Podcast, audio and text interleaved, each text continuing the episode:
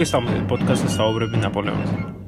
დღეს განვაგრძობ ჩვენ საუბარს 1813 წლის კამპანიაზე და უკვე კამპანია ამ კამპანიის მეორე ნახევარზე, შემოდგომის კამპანიაზე ვისაუბრებთ. სავსები დარწმუნებული ვარ, რომ მოწინააღმდეგე დაასრულებს დაზავებას 10 აგვისტოს და საბრძოლო მოქმედებები განახლდება 16-17 აგვისტოსო. აფრთხილებდა ნაპოლეონი მარშალ დაბუს ჯერ კიდევ 8 აგვისტოს. იმავე წელს ნაპოლეონი აღნიშნავდა, რომ მისი ვარაუდით ავსტრია უეჭვლივ ჩაებმებოდა ომში და გამოიყვანდა 100.000 კაცს უშუალოდ მის წინააღმდეგ, კიდევ 30.000 კაცს გადაისროდა ბავარიისაკენ და 50.000 კაცს გაგზავნიდა ეჟენ ბოჰარნის წინააღმდეგ იტალიაში. მაგრამ მოკავშირეებმა რამდენადაც არ უნდა გაზარდონ თავიანთი ძალები, ვფიქრობ, რომ მაინც შეძლება მათთან გამკლავებოსო, აღნიშნავდა იმპერატორი. ვინაიდან ნაპოლეონი ომის განახლებაც ელოდებოდა 16 აგვისტოსათვის, მისი ბრძანებით მისი დაბადების დღის აღნიშნა 10 აგვისტოს დაინიშნა. სანამ დაზავება ჯერ კიდევ ძალაში იყო. ეს იყო ნაპოლეონის დაბადების უკანასკნელი საზეიმო აღნიშნა.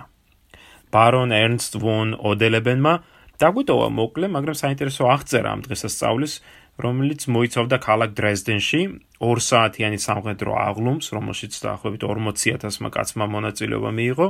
შემდეგ საგანგებო საეკლესიო ლიტურგია დრეზდენის საკათედრო ტაძარში რასაც მოყვა ასობით ზარბაზნის გასროლა და დიდი ბანკეტი. ყველა ჯარისკაცმა მიიღო ორმაგი ჯამაგირი, საჭulis და სასმლის ორმაგი პორცია.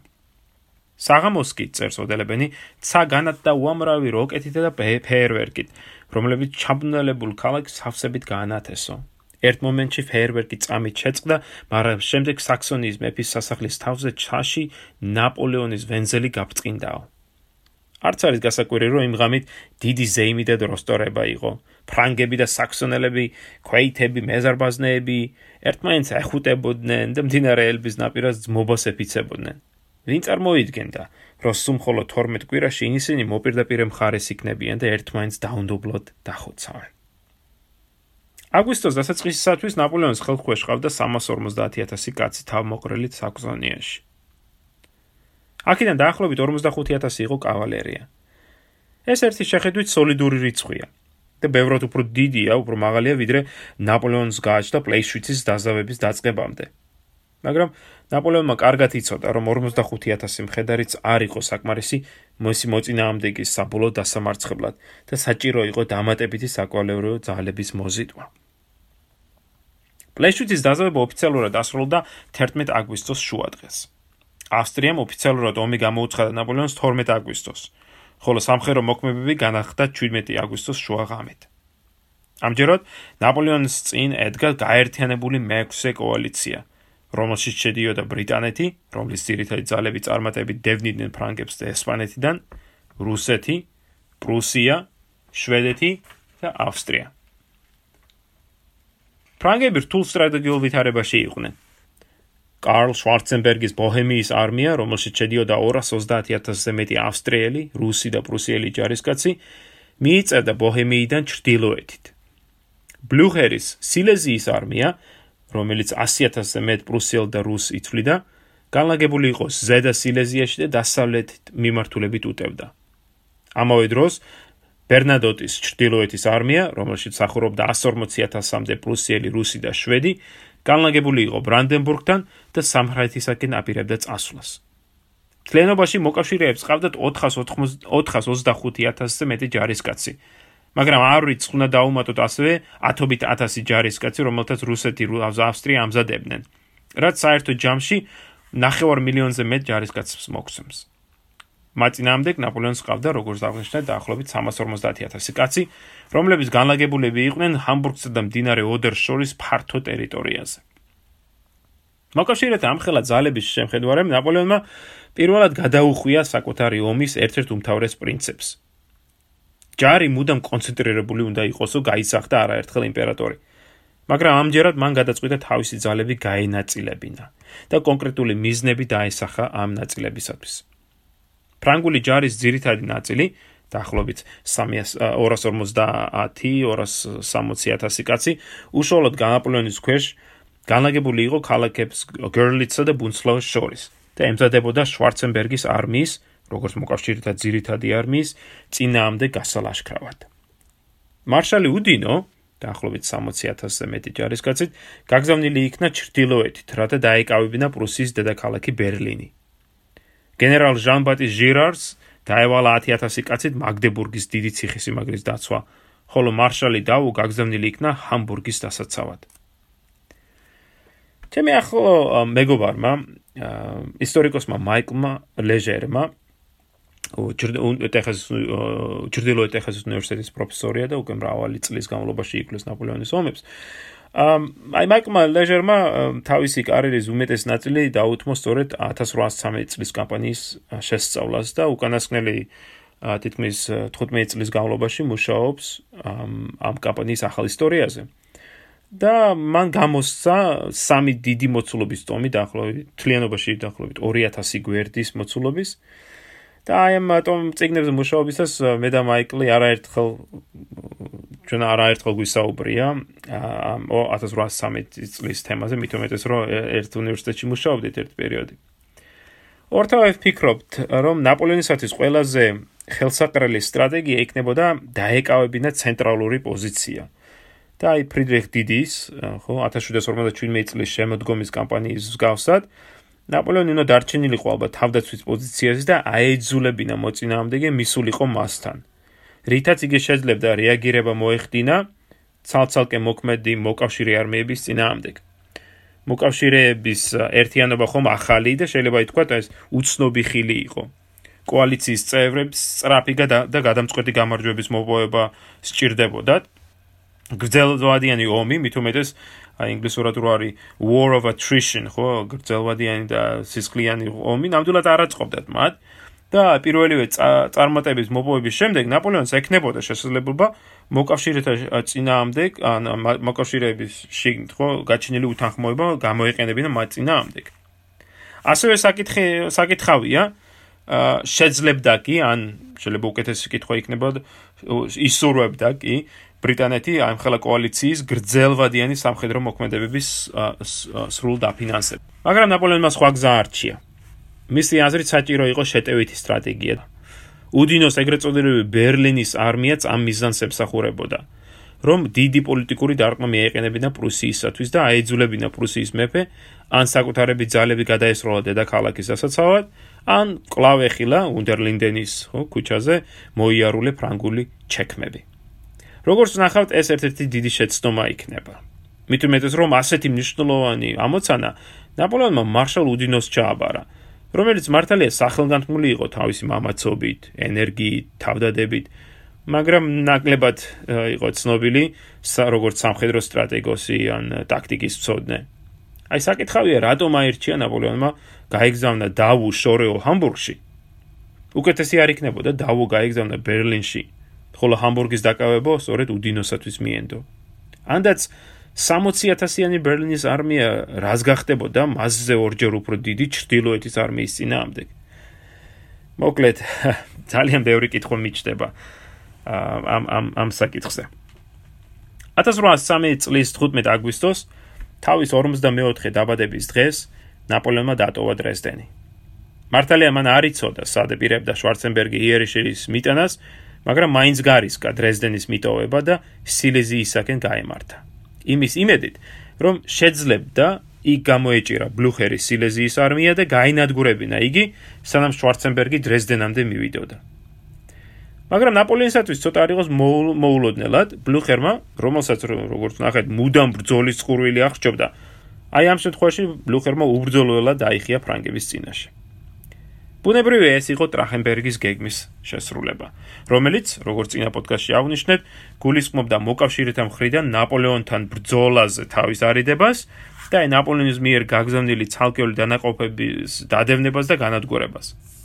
ამრიგად, 20 აგვისტოს, როდესაც ნაპოლეონი დაედევნა ბლუხერს, პრუსიელმა გენერალმა უკან დაიხია, გადაკვეთა მდინარე ბობრი და 4 დღის განმავლობაში განუწყვეტლივ უკან იხევდა.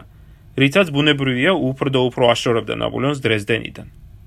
ამასობაში კი შვარცენბერგმა გადაკვეთა საქსონიის სამხრეთი საზღვარი და სწრაფი მარში დრეზდენისაკენ გაემართა. 23 აგვისტოს ნაპოლეონმა შეიტყო ავსტრიელი ფელდმარშალის შეტევის შესახებ და მიიღო გადაწყვეტილება კიდევ უფრო დაიღო თავისი ძალები.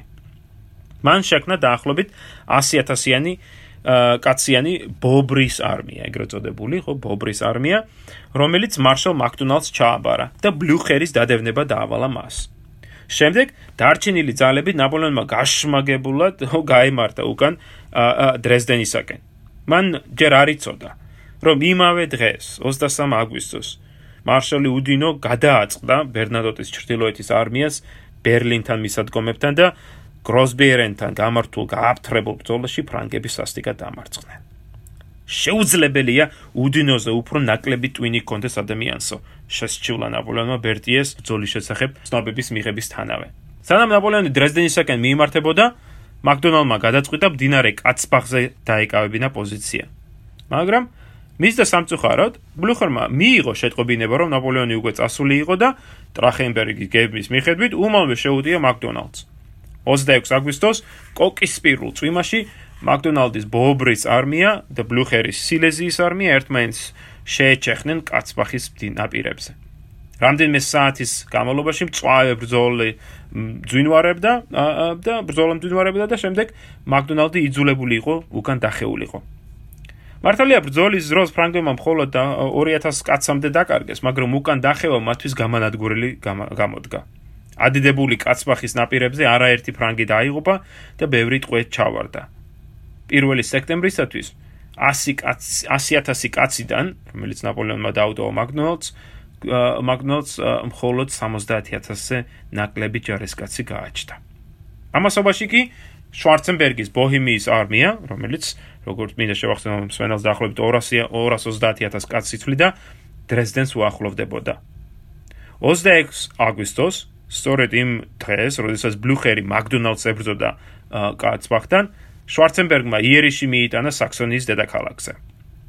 ავსტრიელები დარწმუნებულები იყვნენ, რომ ქალაქში მხოლოდ ცირერეცხოვანი ფრანგული გარნიზონი იყო, რომლის ადვილად დამარცხებას ისინი გეგმავდნენ. მაგრამ მარშალი სენსირი, რომელსაც მართლაც პატარა გარნიზონი და ახლობით 24000 კაცი ყავდა, სენსირი გააფთრებული წინამდებობა გაუწია ავსტრიელებს, მოკავშირეებს და რაც უფრო მთავარია, აი ამ ბრძოლის შუა გულს, როცა მოკავშირეთა დიდი ნაწილები უკვე ჩამული იყო ბრძოლაში, დრეზდენში ჩავიდა ნაპოლეონი და მასთან ერთად მისი იმპერიული გვარდია. ნაპოლეონმა ძლიერი ერიში მიიტანა მომზადებელ მოწინააღმდეგეზე, შეაჩერა მისი შეტევები. ღამით ნაპოლეონთან მივიდნენ მეორე და მეექვსე корпуსები, რომლებიც ბობრიდან მარშირებისას უკან ჩამორჩნენ იმპერატორს, მაგრამ ეხლა შეძლეს ჩასვლა. მათი მოსვლით ნაპოლეონს გააჩნდა 135000 კაცი შვარცენბერგის 230000 კაციანი არმიის წინააღმდეგ. მაგრამ მოწინააღმდეგის რიცხობრივი უპირატესობის მიუხედავად ნაპოლეონმა წყინვალე მანევრით შეძლო მოკავშირეთა პოზიციებზე გვერდის ავლა. დიდი დანაკარგები მიაყენა ავსტრიალთა ორ корпуს, გაარღვია მოკავშირეთა მარცხენა ფლანგი, რის შედეგად შვარცენბერგს სხვა არაფერი დარჩენოდა გარდა დაუყოვნებლივ დაიწყო უკან დახევა.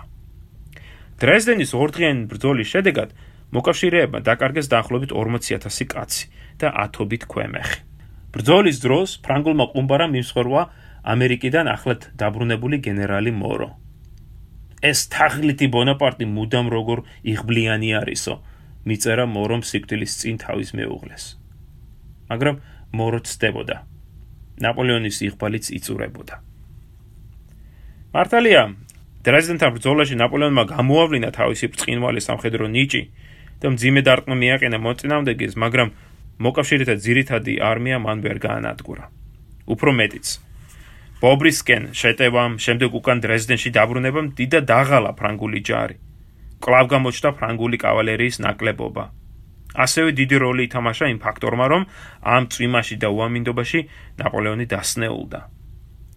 ისეთი დაღლილი და დაკავებული ვარ, რომ წერაც კი არ შემიძლიაო ჩივის ნაპოლეონი კამბასერასთან მიწერილ წერილში. სწორედ აი ამ ფაქტორების გამო და მით უმეტეს აი ამ ავადმყოფობის გამო ნაპოლეონი არ დაედევნა მოწინააღმდეგეს პირადად. არამედ დრეზდენში დარჩა, საქმეების მოსაგვარებლად, გამოსაჯანმრთელებლად. აი ამან კი სავალალო შედეგი გამოიღო. უკან უკანდახეულ შვარცენბერგს ნაპოლეონმა დაადევნა გენერალი ვანდამის პირველი корпуსი, რომელსაც დასახმარებლად კიდევ ორი корпуსი, მე-14 და მე-6 корпуსები მიუჩინა და ამ სამ გენერალს ურთიერ დახმარება და თანამშრომლობა დაავალა. მაგრამ ვანდამი ასე წინდა უხედავად, გაიჭრა წინ მოწინააღმდეგესთან საბრძოლველად 29 აგვისტოს ვანდამმა გამოიჭირა შვარცენბერგის არმიის ერთ-ერთი რუსული корпуსი ქალაქ კულმ დრეზდენის დრეზდენიდან დაახლოებით 60 კილომეტრში და ბოჰემიის საზღვარზე. ფრანგებსა და რუსებს შორის ბრძოლა მთელი დღე გაგრძელდა. ვანდამმა რომ მთელი თავისი ძალები ჩააბვა ბრძოლაში, აი მხოლოდ მაშინ მიხვდა, რომ რუსულ корпуსის დასახმარებლად ბრძოლის ველზე მივიდნენ პრუსიული და ავსტრიული корпуსები. ფრანგების მე-14 და მე-6 корпуსები კი იმდენად უკან იყვნენ, რომ ვერანაირად მიასწრებდნენ ვანდამთან ჩასვლას დასახმარებლად. ასე რომ 29-30 აგვისტოს ფრანგმა ჯარისკაცებმა გმირულად კი იბრძოლეს კულმის מחლობლად მაგრამ საბოლოოდ ვანდამის корпуსი განადგურდა. 25000 მკვდარი, დაჭრილი, ტყვე ჩავარდნილი, რომ არაფერი ვთქვათ 80-ზე მეტ 80-ზე მეტ ქვემეხზე. ამრიგად, ომის პირველი ორი კვირის განმავლობაში ნაპოლეონმა დაამარცხა მოკავშირეები დრეზდენთან, მაგრამ ფრანგულმა ჯარმა განიცადა მძიმე დამარცხებები გროსბიერენთან, კაცბახთან, კულმთან, ანუ ყველგან იქ, სადაც ნაპოლეონი არ იყო. ტრახენბერგის გეგმა აშკარად ناقობს იძლეოდა. ჩემს მდგომარეობაში ნებისმიერი გეგმა, რომლის შუაგულში მე არ ვარ, წარუმატებლისათვის განწირულიაო. წერდა ნაპოლეონი ერთ-ერთ წერილში ამ დროს. ნებისმიერი ჩანაფიქრი, რომელიც ერთი ადგილიდან მეორეზე ჩემს გადანაცვლას ითხოვს, უმალვე ნიშნავს ამ პირველ ადგილას ბრძოლის გაჩაღებას. სადაც მოწინააღმდეგეს უპირატესობა კავალერიაში, რიცხობრივი და გენერლების ხარისხში ჩემთვის დამღუპელი არისო. მართლაც საოცარი მომენტი ეს წერილი. აშკარაა, რომ ნაპოლეონს ესმის, რომ მის გარეშე ფრანგი მარშლები მართლაც ვერაფერს გახდებიან. არა და როგორ გინდა ომის მოგება? შემდგომში უკვე წმინდა ელენეს კონძულზე ნაპოლეონი აღნიშნავს კიდევაც, მარშალი მაკდონალდი და სხვა მისი მსგავსი გენერლები ბრწყინავდნენ მაშინ, მხოლოდ მაშინ, როდესაც უშუალოდ ჩემს ქვეშ ომობდნენ. როგორც კი მე ჩამოშორდებოდნენ, სულ სხვანაირად მოქმედებდნენო. მაგრამ ნაპოლეონსაც თავისი წილი ბრალი მიუძღვის ამაში ყოველივეში. აქ კვლავ ხედავთ ნაპოლეონის მიერ საკუთარი სამხედრო პრინციპების უგულაყოფას. თუ თავის დროზე გენერალი ბონაპარტი ძირითად ყურადღებას უთმობდა მოწინააღმდეგის ცოცხალი ძალის განადგურებას, 1800 წელს იმპერატორი ნაპოლეონი კი ძირითად ყურადღებას სწორედ პოლიტიკურად მნიშვნელოვანი ცენტრების დაკავებას ამახვილებს. იმის ნაცვლად რომ გაეწვიან მუდინო და მაკდონალდი და შეეცადა მოკავშირეთა ერთ-ერთი ჯარის განადგურებას, ნაპოლეონმა განაგრძო ცალკეული ქვედანაყოფებით შეტევების განხორციელება. იგი კვლავ მოითხოვდა ბერლინის დაკავებას. მიუხედავად იმისა, რომ გროსბიერენის შემდეგ აშკარა იყო, რომ უდინოს შენაერთი ამის შენაერთს ამის გაკეთება არ ძალუძდა. უკეთესი იქნებოდა ალბათ ნაპოლეონი რომ თვითონ წასულიყო ძირითადი ძალების უმეტესი ნაწილი ბერლინისაკენ. დაემარცხებინა ბერნადოტის ჩრდილოეთის არმიას და ამას რო გააკეთება მე ნამდვილად არ მეეჭება. დაეკავებინა ბერლინი, გაეთავისუფლებინა კუსტრინში, შტეტინში, დანცინგში გამომწყდეული 10.000 ფრანგული გარნიზონი შემდეგ განეგრძო შეტევა ჩრდილოეთის არმიაზე, გამოემწყვია იგი ბალტიკის სანაპიროზე და გაენადგურებინა იგი. ბერლინის დაკავება ხომ ასევე დიდ პოლიტიკური დარტყმა იქნება პრუსელებისათვის. შვარცენბერგს რომ წამოეწყო შეტევა დრეზდენისაკენ და აიღო კიდევაც ეს ქალაქი, ნაპოლეონი შეძლებდა ჩრდილოეთში თავის ჯარების რეორგანიზაციას და შემდეგ ახალი შეტევის წამოწყება სამხრეთისაკენ. მაგრამ ნაპოლეონმა ეს არ გააკეთა.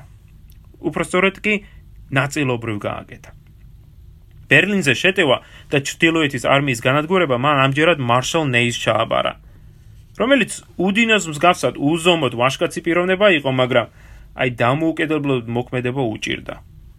4 სექტემბერს, სანამ ნაპოლეონი გაემართა მაკდონალდთან დასახმარებლად, მარშალმა ნეიმა წამოიწყო ახალი შეტევა ბერლინზე. 6 სექტემბერს ნეი გადაეკვეთა ბერნადოტის ჩრდილოეთის არმიის პრუსიულ ნაწილს ქალაქ დენევიცთან. და მიუხედავად იმისა, რომ აშკარა იყო, რომ პრუსიელები ძლიერ პოზიციებზე იყვნენ გამაგრებულები, ნეიმა წამოიწყო იერიშები, რომელთა შედეგად ფრანგებმა დაკარგეს 22000 დაღუპული, დაჭრილი და ტყვეტაყვანილი ჯარისკაცი. პრუსიელთა დანაკარგი 10000 კაცსაც არ აღწევდა.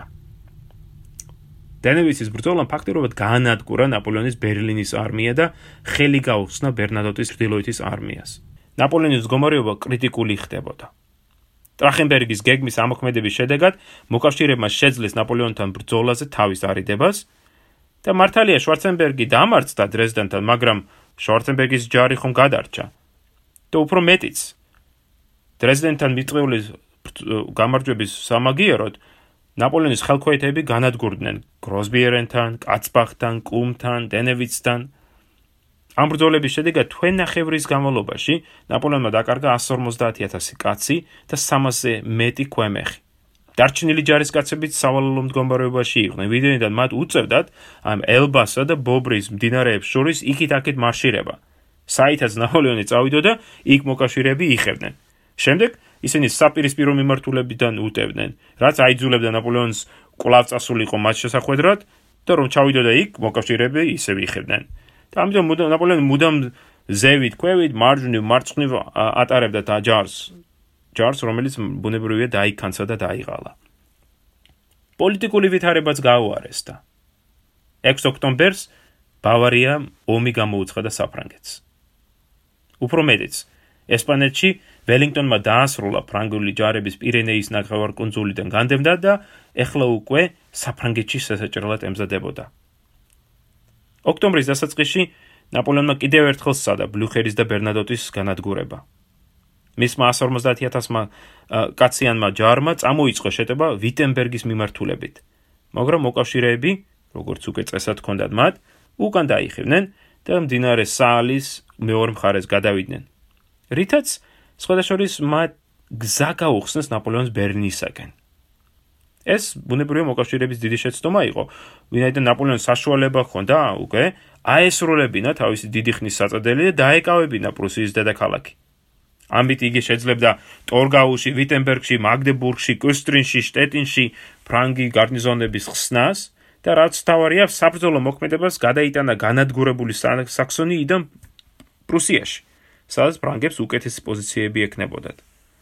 და აი ამ გადაწყვეტ მომენტში ნაპოლეონმა მიიღო საბედისწერო გადაწყვეტილება. ბერლინზე წასვლის ნაცვლად მან არჩია სამხრეთით, ლაიფციგისაკენ წასვლა. უკანასკნელი ორი თვე ნახევარი ხომ მან მოწინააღმდეგის დევნაში გაატარა. ახლა კი ნაპოლეონს ლაიფციგთან ცენტრალური პოზიციის დაკავება სურდა. დაე თუ მოკავშირეებს მასთან ბრძოლა უნდოდათ, მოვიდნენ ლაიფციგთან და შეებრძოლონ მას აქ.